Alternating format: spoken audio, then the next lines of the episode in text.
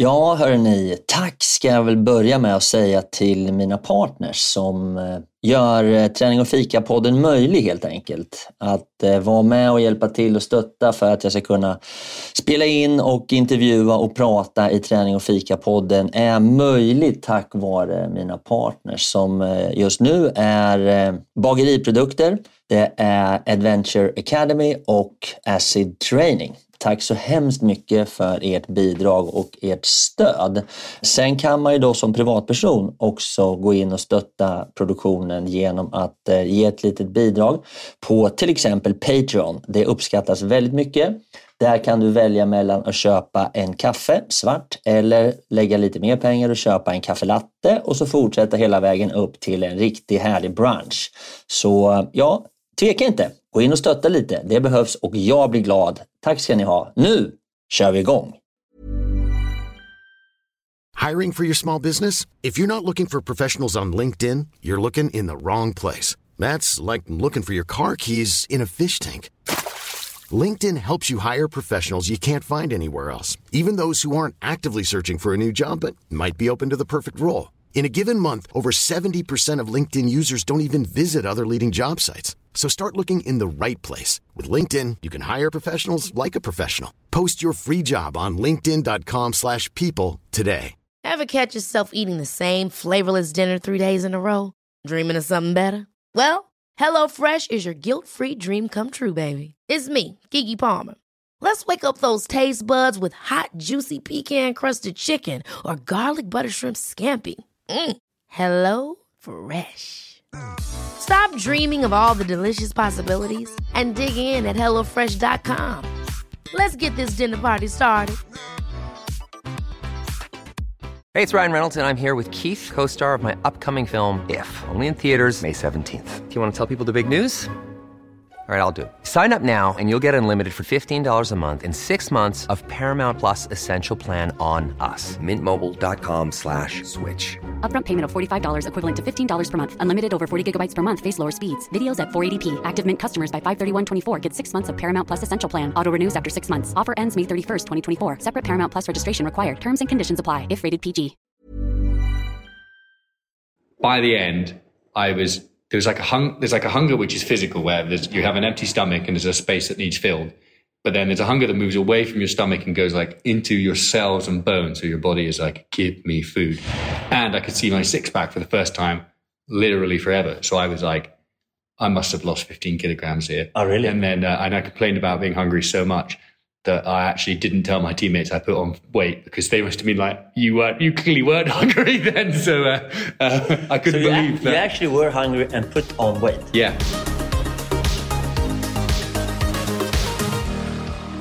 Så där hör ni, kära vänner, bekanta och människor jag absolut aldrig har träffat men som lyssnar på en av de absolut bästa postkartorna som finns. Nämligen Träning och fika med mig, Fredrik Eriksson.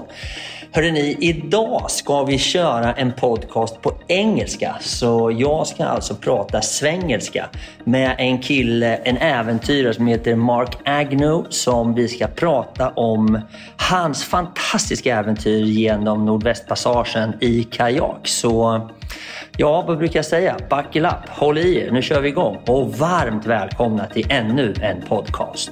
Tärning och fika, vi kör hårt. Tärning och fika, fika blåsa på. Tärning och fika går ihop som kaffe och popcorn. Tärning och fika, vi kör på. Tärning och fika, blåsa på. Tärning och fika, nu kör vi! Nu kör vi! Yeah! Ja men sådär, då var vi ju igång och jag är alltså i München på ISPO-mässan och det är en mässa som handlar om sport, äventyr och outdoor. Där finns också ett par stora scener och på en av de scenerna så delar jag varje år ut priset till eh, Europas främsta äventyr och äventyrare. Och det ska jag göra i år också. I år så är det så att vi har då landat på att vi ska dela ut priset till en kille från Skottland som heter Mark Agnew. Och Mark sitter här bredvid mig. Han pratar ju väldigt dålig svenska så vi kommer switcha över till engelska. So nice to meet you, Mark. Yeah, nice to meet you. I didn't understand a thing you were saying to introduce me, but I'm sure you're telling the audience how incredibly good looking I was and uh, everything like that. And strong. And strong, obviously. I'm strong like a yeah. Which you are. Yeah, I am. Uh, I, in fact, like when I when I finished the Northwest Passage, I I would have assumed that I would have been like lost 15 kilograms and be incredibly weak, but I put on five kilograms. Oh, really? I lost all of my fat. I looked like a Greek statue for about five days, and then I returned to my normal state, which is looking a bit like a melted candle. but that is kind of funny because when I was going on roller skis across Sweden from the north to the south, everybody's like, you know, I did a Vasaloppet. I, I did 90K on skis every day for 28 days. And I didn't lose a pound. Yeah. Because I was eating candy and stuff all the time. Yeah. Well, I mean, I was so, so hungry. Uh, uh we all suffer, you know, everybody's different. So we all suffered from different things differently. My teammates, I was with three others. We were in two double kayaks. And we all, I, I suffered the least from the cold. Um, but I suffered the most from the hunger, you know. And by the end, I was there's like a hung, there's like a hunger which is physical where you have an empty stomach and there's a space that needs filled. But then there's a hunger that moves away from your stomach and goes like into your cells and bones. So your body is like, give me food. And I could see my six pack for the first time, literally forever. So I was like, I must have lost 15 kilograms here. Oh, really? And then, uh, and I complained about being hungry so much that I actually didn't tell my teammates I put on weight because they must have been like, you weren't, you clearly weren't hungry then. So uh, uh, I couldn't so believe that. You actually were hungry and put on weight. Yeah. I, I, mean, I guess maybe I was hungry because I was building so much muscle. Yeah. You know, I, I, must have lost, you know, to put on five kilograms and lose all of my fat, I yeah. must have lost five kilograms of fat and put on 10 kilograms of muscle. So to build 10 kilograms of muscle takes a lot of calories. And, um, and generally I, I was hungry but then, like in the last 10 days or two weeks, that hunger became like, you know, I was just surviving between meals. And if I, like, you know, rushed something and just missed a couple of hundred calories, then I would suffer so much. You know, oh, really? you know usually I'd, in the morning, I'd wake up, immediately down this 400 calorie mix called Huel. Then I'd have a meal and then I'd try and down another one of them before we started kayaking. And if I like missed one of them, oh, well, I'm not hungry. I already had a Huel and a thing. That's like 2000 yeah. calories before I even started the middle of the day. And, uh, I missed the second one, I'd kayak for two hours and then, you know, we'd go from like four miles an hour and it would happen like a click. I'd two, down to two miles an hour. You hit the wall. And like, it, affected me emotionally. I'd had like absolutely no, um, like, you know, I'd suddenly snap, like snap at people and I, and I wasn't self aware enough. I was so hungry that I couldn't like realize it was hunger. So Eileen would have to go, are you hungry? No, I'm not hungry. And they were like, maybe you should eat something. And I'd eat something and equally immediately I'd go, wow, like I feel my, energy you know, again. Mark, it sounds like my wife. Yeah. yeah. Well, um, I mean, I knew I was, when I'm hungry, I'm particularly um, bad company at the best of times. Um, but like, it was just those last two weeks where I was just so depleted. But in the first half, we came across a cabin called uh, Fort Ross, which is the uh, the last existing cabin from the Hudson Bay Company, and it was built in like 1680. So it's a historic place, and a lot of sailors stopped there. Yeah. It's sort of like a youth hostel. There was like a shelf where people left food, like oh. pasta and stuff that didn't so go. You on. took all the food. So and I I made enough pasta for like five people, and I covered it in sugar, and then I ate like a starving man. Or I mean, maybe I was a starving man, and that was like um, there was like two things going on there. There was like my intellectual, like evolved brain that was saying, this is disgusting. You are very full. You don't need more food. And then there was like a primal brain that was like operating my hands as I like shoveled it into my mouth. And I ate and ate and ate till I felt sick. And I lay down like panting and I had to take some nausea pills which made me feel better. So I kept eating. Oh, and really? I, I, just, it was like out of my control. It was like a compulsion, uh, how hungry I was. And then when we oh, stopped up in Cambridge Bay at halfway, I did the same thing again. I ate and ate and ate until I like was But did the other do that too? No. Yeah, they were they, normal. They, they were like super hungry and they were like, yeah, we're all hungry. And then they were watching me and they were like, that guy's really hungry. they were like, I think it actually like developed sympathy for them. They were like, I thought I was hungry, and then I watched you eat. Now oh, I realize. Shit. So, Mark, you're Scottish. I'm Scottish, yeah. Where in Scotland are you from? I'm from Edinburgh. But like you, you've been living a long time in Hong Kong. Yeah. So after university, um, I immediately moved to Hong Kong. Right? Why? Um, not because I don't like Britain, but I wanted to live somewhere else apart from Britain while I was young and like responsibility free. Um, Is it like open for you to, to go there, like the, the British kingdoms? You you well, you can go there as a tourist without a visa, but to work you need you, you need a visa, and to get a visa you need somebody to employ you. So I thought my ticket abroad, and it wasn't specifically Hong Kong I wanted to go to. My ticket abroad would be my rugby because there's obviously like professional rugby, which I'm not good enough at, but all over the world there's like a level just below that where people maybe give you a little bit of money in a flat and then find you a job. And um, and I sent emails out and put my name on websites, and then one got back to me from Hong Kong. They gave me like the equivalent of about 600 euros a month for the first three months, free accommodation for the first six months, with the promise that they'd introduce me to lots of people to get jobs. And I became an English teacher when I first got there because that's an easy way to get a visa because they can say, well, we have to employ somebody who's English speaking. So they can justify getting there like a. But, But- then I became a journalist as, as a result, and I stayed there for eight years. But the, the rugby, Yeah. how, how is that going? Uh, how's it still going? Uh, I, I stopped playing rugby in 2018 as I prepared to row the Atlantic, with the idea that after the Atlantic I would get back to rugby, but I just never have. Um, I've just began to realise what I enjoyed was more and more these like outdoor endurance things and less and less rugby. How, how old are you now? I'm 32. 32. And you have a, a wife? I have a wife. One Uh, an 18 month old and another baby due any day. any day. By the time this podcast is produced, maybe I will be a father of two. Oh, that would, hope so. Yeah, yeah. That would be nice. Unless I get the call in the middle of the podcast. Ah, that's yeah. perfect. So when you played rugby, what position did you have? Do you know rugby? Not that much, but Yeah, I was. Uh, I, I like to think I was a number eight, but as I got slower and everybody else got better, I moved to second row. okay. Yeah, So you're in the group. yeah, in the in the forward around. pack. Yeah, Yeah. The, the people, the ugly people with no skill. So did you like being in uh, Hong Kong? It it is an amazing, amazing place. Everything is like 400 miles an hour, and um, there's no like middle ground. You don't have a couple of pints on a Friday and then run 5k on a Saturday. You either have a three day drinking bender or you run an ultra marathon. There's like nothing is a- anything in between, and uh, that's sort of how I began to take these ultra endurance events like more seriously because you think of Hong Kong as this huge city. But even if you look at the famous skyline, next time you see the picture, just look a mile back and it's all mountains. Yeah. 40% of the country is these country parks. And it's so nice. So beautiful. And there's this vibrant outdoor ultra running scene. Every weekend from October to March, you can sign up to one of, And kayaking. uh, yeah, and that's how I got into kayaking as well. Yeah. Um, but initially it was through ultra running. And then I opened for the national newspaper there uh, an adventure sports section dedicated to it because there was such a big sports community there that wasn't being served because typically in a newspaper you have football, rugby, like other traditional sports. And nobody knew where adventure sports like fitted in. So I started covering that, got into the ultra running scene, interviewing all the people and every single weekend and some of the best athletes in the world. And But now you call yourself a sports journalist, out- outdoor journalist. Yeah, so I, yeah, I guess um, I was doing that in Hong Kong, and then I moved back to the UK in 2021. I still wrote for the newspaper there while I was in the UK and a few others. And then when I went to the Northwest Passage, I've come back and I'm still occasionally write, but I'm now focusing on being like a keynote speaker and stuff. So An uh, adventurer. yeah, keynote adventure speaker or whatever. Yeah.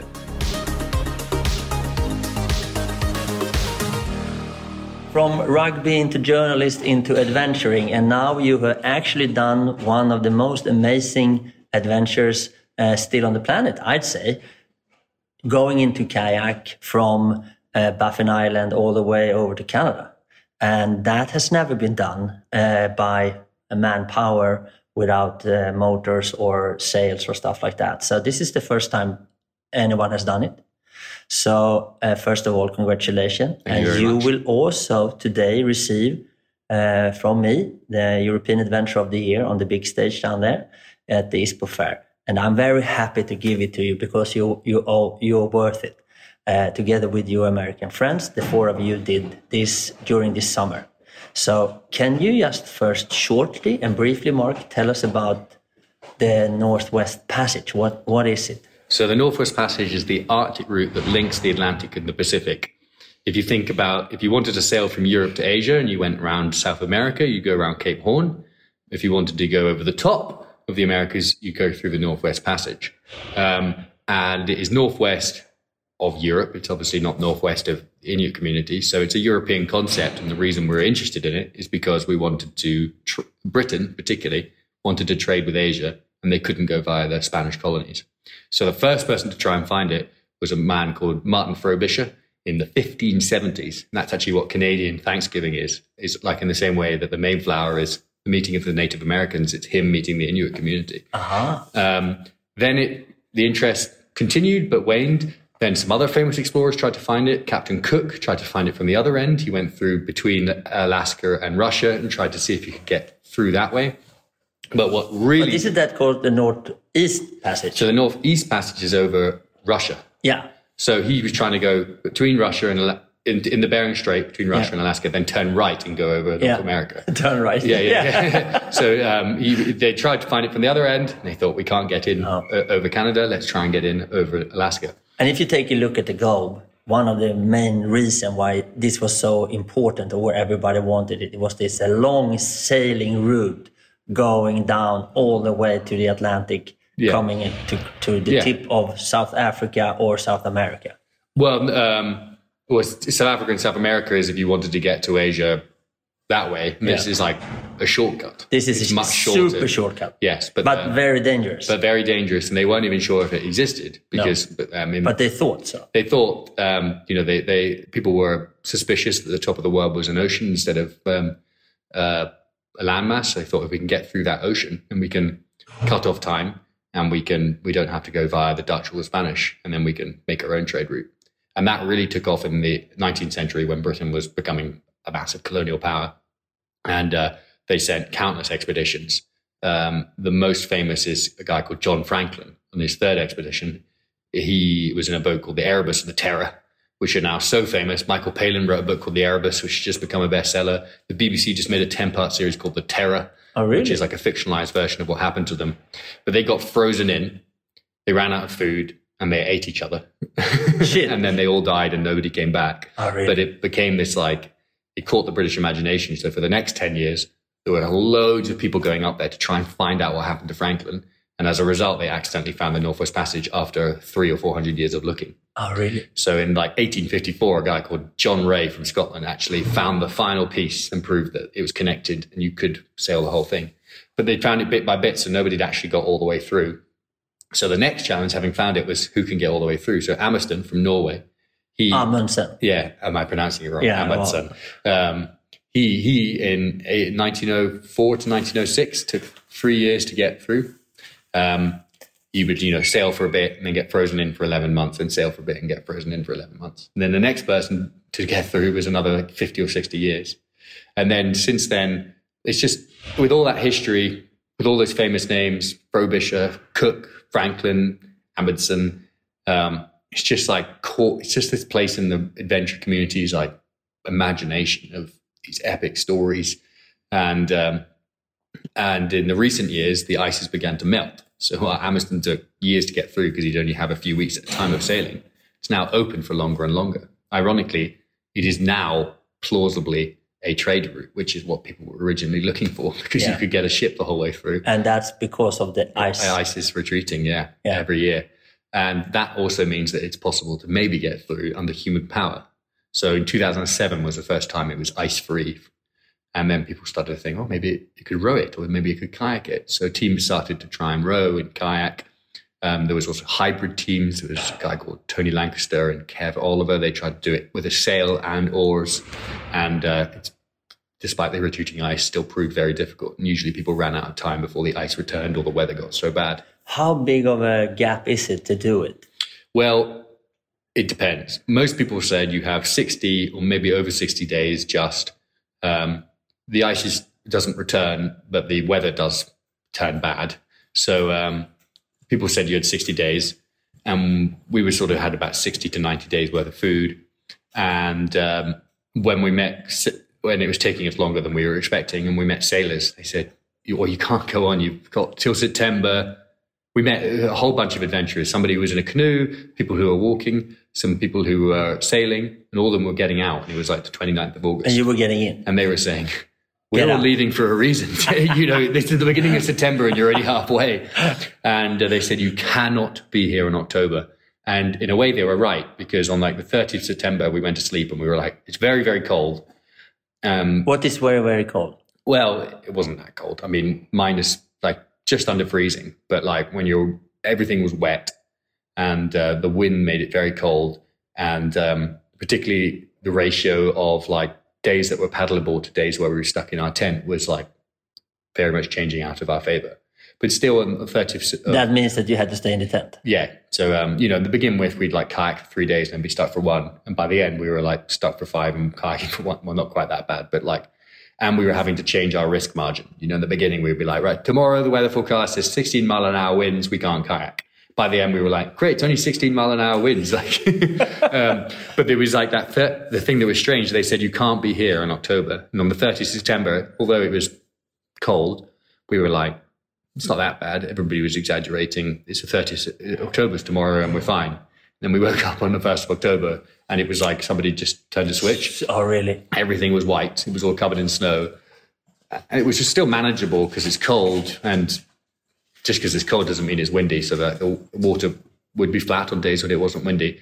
But they did create a bunch of other unexpected issues, like all the fresh water froze. So one day, Eileen and I had to walk. We did like a four-hour round trip just trying to find some water. And- Did you find? yeah, and we had to ha- hack through this water with an axe and fill up water. And then, so we filled up our like four bladders, but then the, the seal on the bladders frozen, so we couldn't quite tighten the lid. So we had this huge effort to get the water. By the time we walked back, half of it had leaked. And then overnight, it all froze again. So we were like, oh my gosh. And it just made life more difficult. Or we'd make these powders for us to have calories on the water, and then they'd fro- freeze. So then you can't, we don't have access to as much calories. But uh, Mark, yeah, just to put us in the situation. So there were four of you. Yeah, so there's two tandem kayaks. Eileen and I Tandem, one- that's like when you paddle two in a kayak. yeah. So Eileen and I were in one kayak, and West and Jeff were in another kayak. They're all Americans.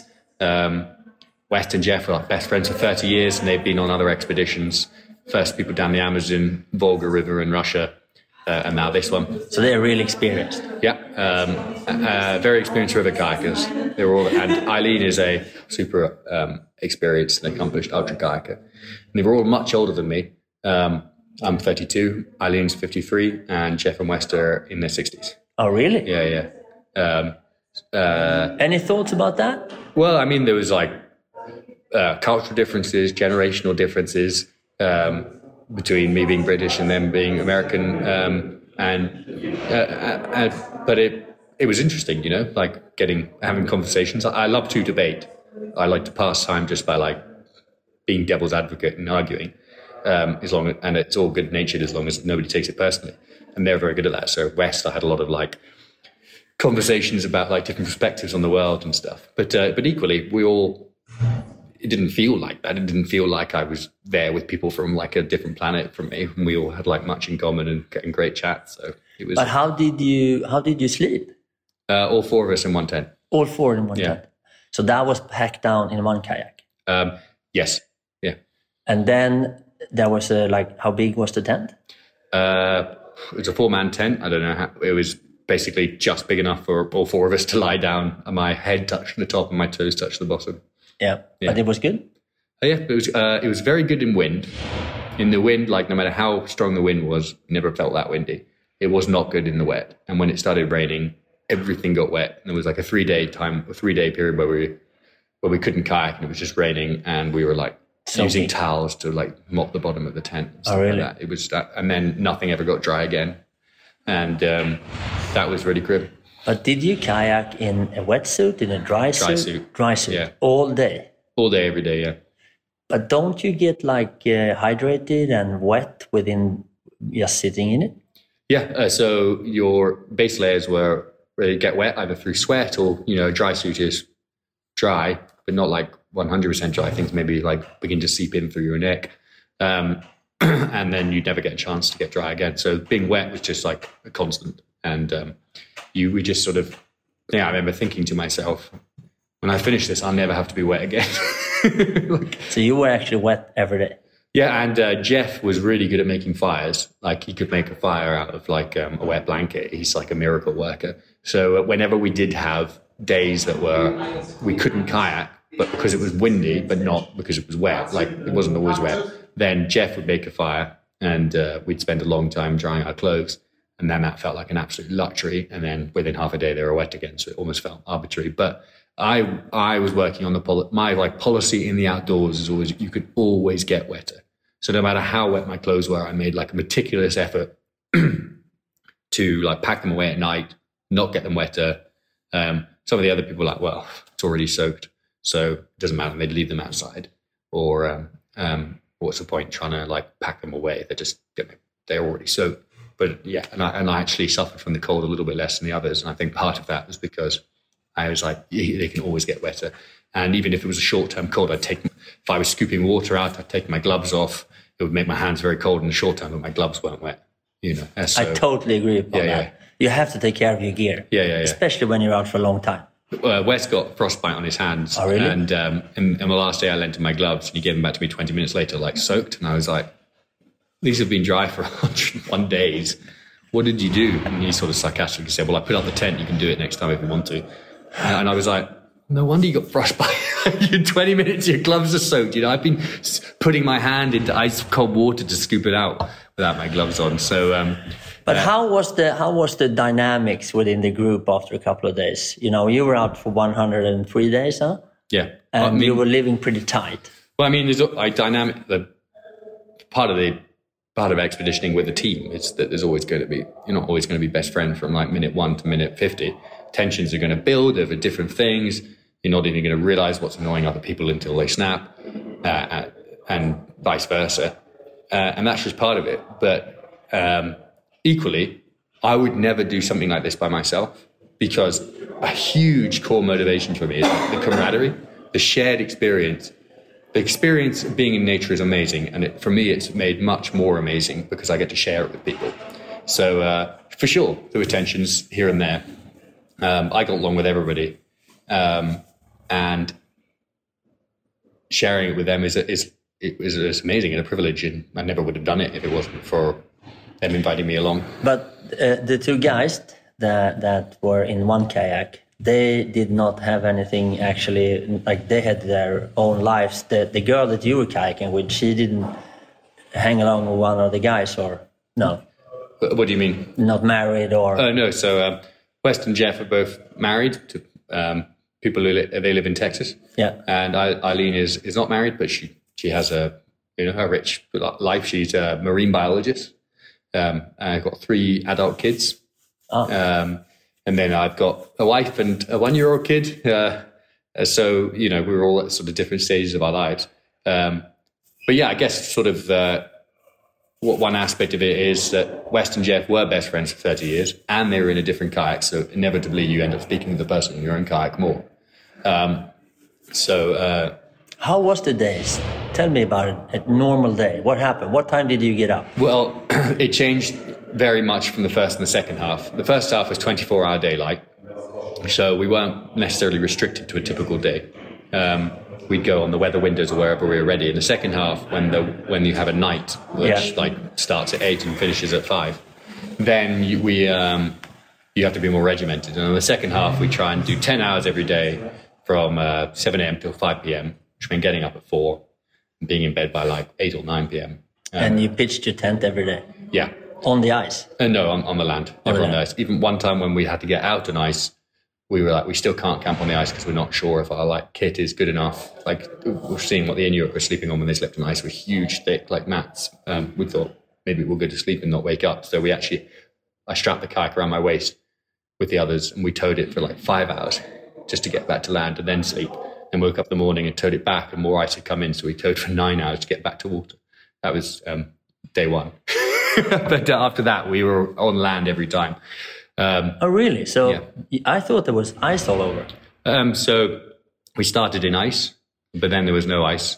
Um, So so we never like- camp on ice. Never Oh, camp. yeah. But I mean, ice that moves can move very far very quickly. So we, God knows where we end up.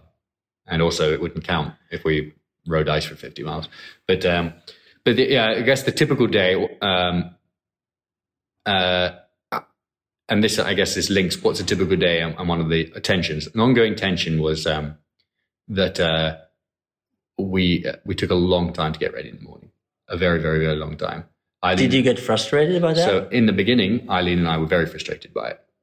Um, if, if I said somebody took a frustratingly long time to get ready eh, from camping, what, what, what time would you guess? Well, I would say if it take a long time, just taking down your tent, putting all the gear together, getting ready. Uh, Or do you Yeah, well, include what- fre- breakfast? And breakfast, yeah. From the I'll say- alarm to getting. I'll the- say one hour. So three and a half. Oh, really? That's a long time. Yeah, and on the first couple of days, it took um, like six. Oh, so really? Eileen and I started, Eileen in particular, take down the tent, um, pack up, do the mats, make breakfast. Jeff started making breakfast in the last couple of weeks, but trying to do everything so the other, so Jeff and West had. Is, is Why did it take so long time? Well, we we don't know, and it was very frustrating. But you were there. I know. I was watching and I was like, I, I actually don't know what's going on anymore. Um, but then equally, West and Jeff were much faster at kayaking. Particularly me, I was the least experienced kayaker, so whichever boat I was in was inevitably going to be the slowest. Uh-huh. So, like, I guess one tension was they were thinking, we can go, we could cover this distance quicker. And we were thinking, well, we could kayak for longer because we would take an hour to get ready and not three and a half. How far apart were you when you were kayaking? um, never that far apart in the first half. And then just after halfway, there was a period where I, uh, Jeff and West started going on far ahead of us. Um, and then they'd camp and we'd catch up. And uh, that's where the tension built about, um, you know, they were saying, this is the speed we have to go. And we were saying, well, why don't we leave earlier? Because we can cut, we can get ready quicker. So that was like the manifestation of that tension. Um, Did it get worse? um, and then after that, we spoke about it, and it was good to get it out there. And they, we'd sometimes we'd say, "Look, the weather's good. We know where we're landing. We can see it. Why don't you guys go ahead?" Um, but we never left without them. But um, uh, so that was like one of the tensions. And I guess the like the ultimate answer is we both could have done it quicker because they would have they would have got ready in three and a half hours and kayaked quicker, and we would have got ready in one hour and kayaked longer. I guess the big hamstring of not being able to get ready quickly was it. We didn't have any chance to be dynamic. If there was like right, there's weather coming in tomorrow at midday. Okay, why don't we kayak till 11? Um, you can't do that if it takes three and a half hours to get ready. No. Um, or the, the ice has moved. Let's take this like this face, And then like, there's no point in only going 10 miles if it takes three and a half hours to get ready and then three and a half hours at the other end. So, um, um, but then equally, it would have been very frustrating for them to get ready and then have to go slower because of me. So I'm not saying, oh, I would have done it quicker. I'm saying that like these are the realities. But but how much did you do the navigation? How much difficult was it to navigate? Uh, so I, from about a third of the way through, I'd say I did a lot of the navigation um, with the uh, uh, with the Garmin with the GPS. You'd set a waypoint and you'd uh, go in a straight line. Um, and uh, I, I am quite good at that, I think. So I think I saved a lot of time for the group by doing that. I found that very, very mentally taxing because I'm What does that mean? like.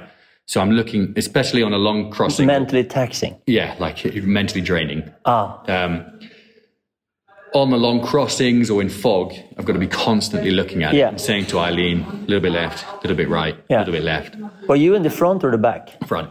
In the front. Yeah. And, uh, you know, I'm trying to be immersed in nature. I'm trying to have conversations and build camaraderie. These are my core goals. And I'm having to look at a screen. And it was fine for one day, but when I did it for a few days in a row, it actually like almost reduced me to tears on one like crossing. I was like, people were like, is it that beach or that beach? I'm like, I don't care anymore. Just please land. I just don't want to look at the screen. I just want to enjoy myself. And then in the final two weeks, I think I almost, no, maybe the, less than that final few days, I'd like almost lost my touch, you know, um, that I'd actually be aiming for the wrong thing and stuff because I'd spent so much energy on it. And I was conscious that there was only a few days left. So I was like, I'm going to try and look up and enjoy nature and stay present. Oh, you not, can't like, if you're navigating. And uh, so then, like, uh, there would be like little constant adjustments. Actually, it's a little bit to the right, it's a little bit to the left. And um, I think that probably frustrated the um, the, the teammates Because they got used to Yeah, you uh, being on the map. yeah, and they'd be like, "Hey, maybe you could like, you know, you know, are you sure it's that far right? Or maybe you could change the orientation of your map if you're finding it difficult." And I was like, "I was good at this for like two months, and I just can't." I found it. And uh, I really, I just wish that it was. Um, How did you put the energy into your devices? uh, so we had a little windmill from a company called Tex Energy, Oh, really? um, and they were great at charging our Garmins. So you put up small. A little windmill, and um, Wow. That was fantastic. Uh, it was way even better than I thought it would be. And I had a big battery pack as well from a company called Volteric um, that um, that was amazing. And that, um, And what kind of gear did you have for your energy? You had the, the map? uh, so we Garmin, um, some cameras, um, Kindles uh, for the days we were stuck on shore, um, and then in the second half, when we like stripped down uh, a lot, we basically only had Garmin's, a mini Garmin for texting, um, whereas in the first half we had a sat phone and um, and just one Gar and one. one Why did you uh, gear down? Um, well, we uh, I can't really remember what the uh, official decision was, but um, uh, just go far, go, go faster, less power, a whole bunch of things, I suppose. Yeah. And was it worth it? yeah, It was. Yeah. Uh, particularly on the power. I was paranoid about power in the first half because felt like you know power was being used for a lot of stuff, which um, uh, like cameras and stuff, and I was constantly worried that what if we run out of power and then we can't use the Garmin's? The Garmin's are are everything. Yeah. Uh, and in the second half, we never even really needed the windmill. We had the battery packs did it all. We put the windmill up a couple of times, but we did, Oh. didn't need it. Yeah. There's always wind there, isn't it? Well, uh, well, when we were on shore, we were like stuck on shore in a storm. We were there by definition because it was too windy. But um, on the days where we kayaked, it was uh, sometimes beautifully flat. Particularly when we came out of Cambridge Bay at halfway, and this was when everybody said it's already September, it's too late. You know, we leave with a lot of anxiety. And uh, as we left, it was like snowing sideways, and we thought, oh my god, everybody's right. And then we had these five beautiful days, like sun, sunburn, flat. And on those days, we did like 40 miles, 40 miles, 30 miles, 35 miles, 39 miles. And then we had a six day storm. Um, but so, yeah, I mean, there was days that were beautiful, days that were um, like not.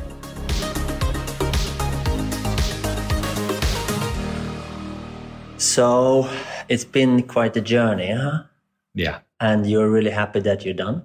Uh, yes. Um, And how do you feel now? When, Well- when I've been when I've been doing my adventures, there's always this sort of frustration coming when you're done, and you start even before you're done. I usually start thinking about what I should do next, hmm.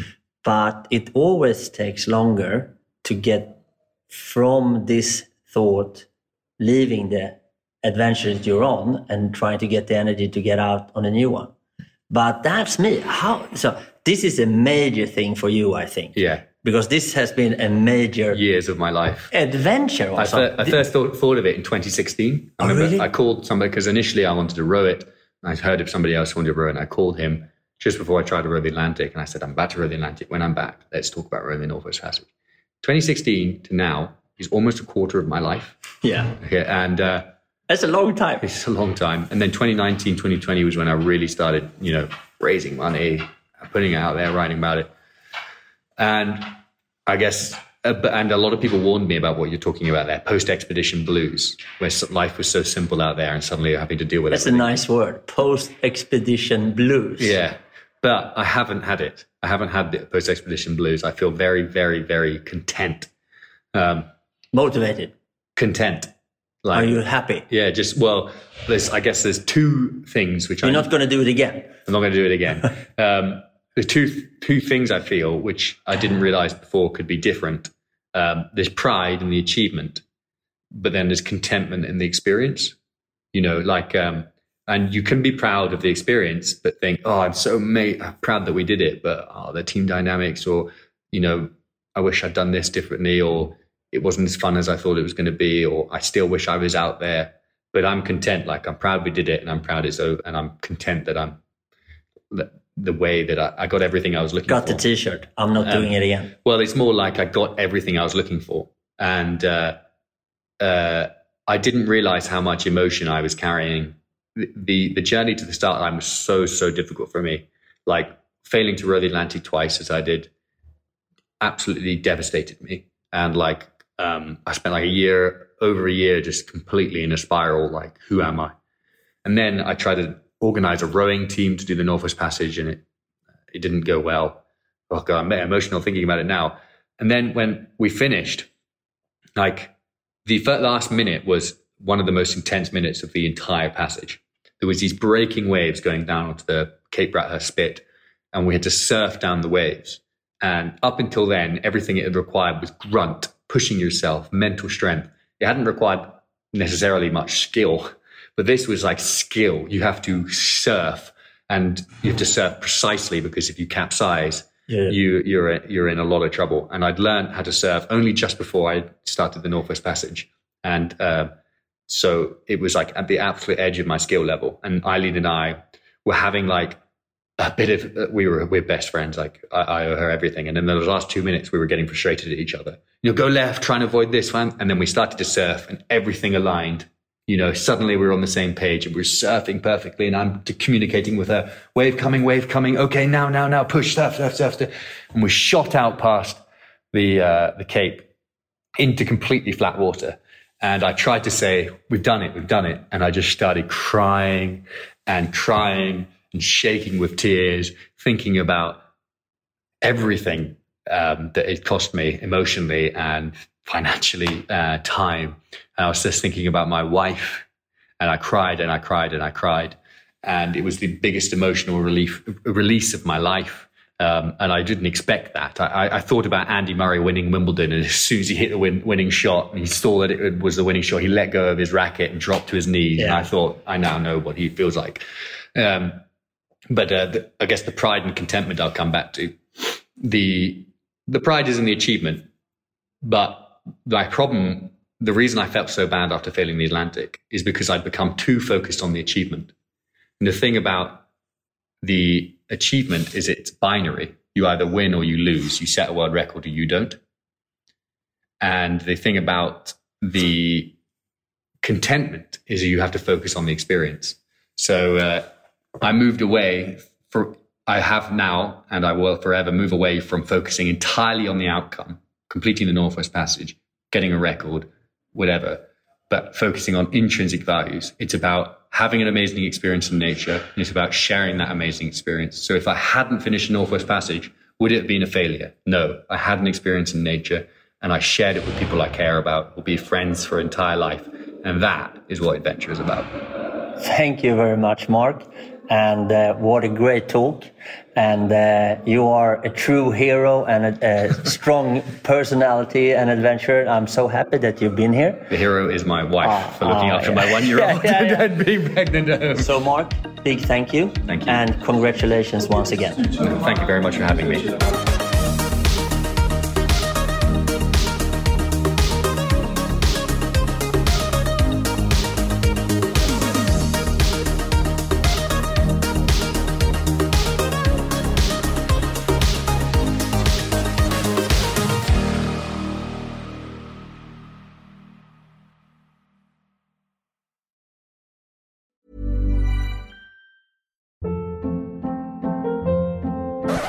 Up. What was that? Boring. No flavor. That was as bad as those leftovers you ate all week. Keke Palmer here, and it's time to say hello to something fresh and guilt-free. Hello Fresh. Jazz up dinner with pecan-crusted chicken or garlic butter shrimp scampi. Now that's music to my mouth. Hello Fresh. Let's get this dinner party started. Discover all the delicious possibilities at hellofresh.com. Planning for your next trip? Elevate your travel style with Quince. Quince has all the jet setting essentials you'll want for your next getaway, like European linen, premium luggage options, buttery soft Italian leather bags, and so much more. And is all priced at 50 to 80% less than similar brands. Plus, Quince only works with factories that use safe and ethical manufacturing practices. Pack your bags with high-quality essentials you'll be wearing for vacations to come with Quince. Go to quince.com/pack for free shipping and 365-day returns. Mom deserves the best, and there's no better place to shop for Mother's Day than Whole Foods Market. They're your destination for unbeatable savings, from premium gifts to show-stopping flowers and irresistible desserts. Start by saving 33% with Prime on all body care and candles. Then get a 15-stem bunch of tulips for just $9.99 each with Prime. Round out Mom's menu with festive rosé, irresistible berry chantilly cake, and more special treats. Come celebrate Mother's Day at Whole Foods Market Det var allt för den här gången hörni och jag tänkte avsluta lite kort med att återigen tacka mina fantastiska partners och sponsorer som är bageriprodukter, Acid Training och Adventure Academy. Och eh, återigen, har du en krona över eller är helt enkelt sugen på att bjuda på en kaffekopp så gå in på min Patreon och eh, köp en kaffe, en kaffelatte eller en hel brunch så kan jag fortsätta spela in podden, producera nya härliga avsnitt och eh, fortsätta att underhålla dig. Hoppas du har haft en fin lyssning och att vi snart hörs igen. Tack så mycket. Hej då!